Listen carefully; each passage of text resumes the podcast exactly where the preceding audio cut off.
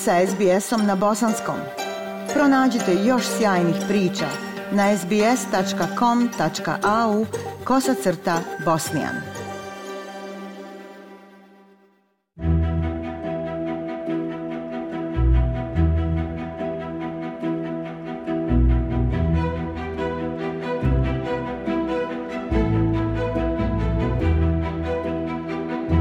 Slušate program SBS radija na bosanskom jeziku.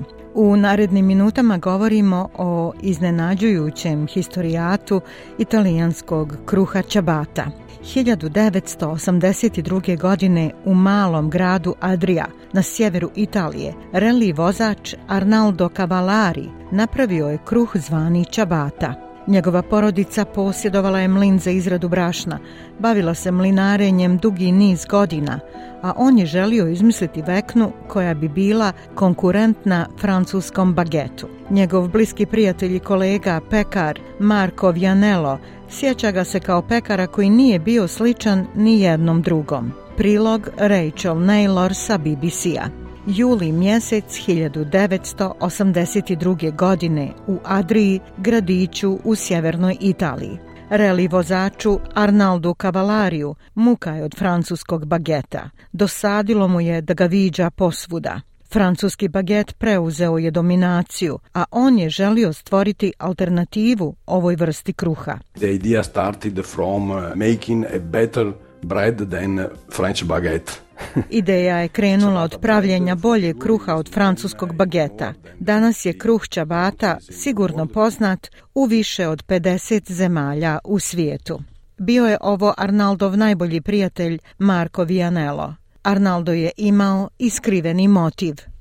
Njegovi roditelji proizvodili su brašno, a on je mislio da bi novi kruh mogao biti dobar za posao njegovih roditelja.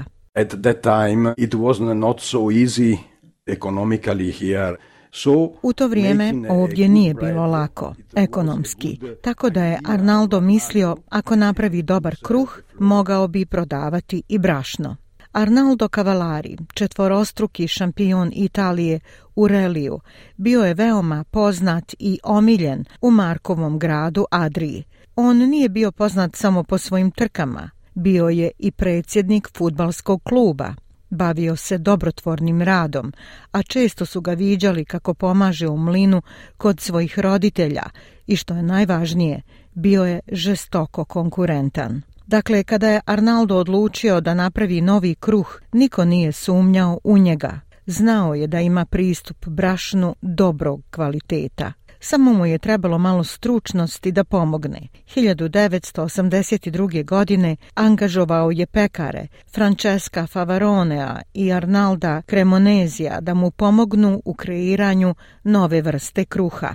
Proveli su sedmice i sedmice u mlinu Arnaldove porodice, testirajući nove smjese tijesta i ne želeći vremena za provjeru, rafinirajući i prilagođavajući postojeće recepte i koristeći njegovu vlastitu mješavinu brašna koju je nazvao farina natura uno, što se prevodi kao prirodno brašno broj 1.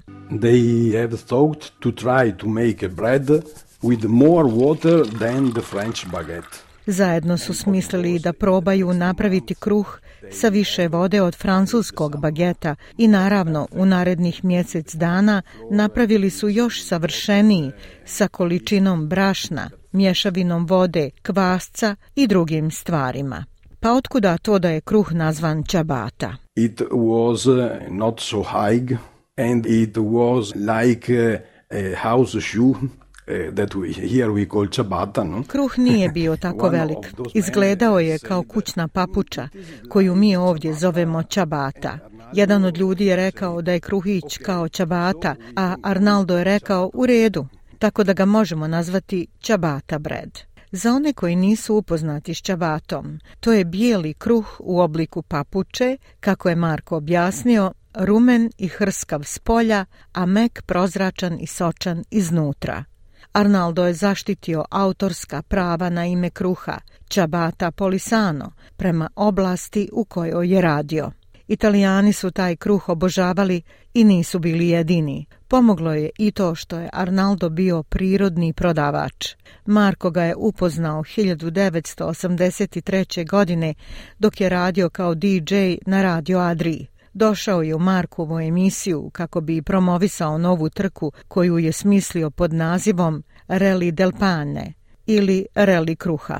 That uh, competition was a great part of history of our town. To takmičenje je bilo veliki uh, dio historije našeg grada. Sjećam se da sam s njim pravio neke intervjue, ali naravno u to vrijeme on je bio veoma zaposlen čovjek. Uvijek je putovao svuda po svijetu, ali i širom Italije. Do ovog trenutka Arnaldo je u svojim 50. godinama povukao se iz svijeta automobilskih trka, ali sigurno nije bio spreman da to olako prihvati.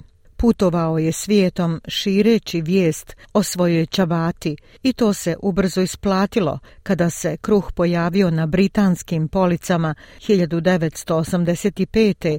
i u Sjedinjenim američkim državama u kasnim 80. Do 1999. godine Arnaldova kompanija Molini Adriasi Mlinovi Adrije imala je licencirane pekare u 11 zemalja za proizvodnju kruha. Ja sam Aisha Hadži Ahmetović. Ostanite uz program SBS radija na bosanskom jeziku.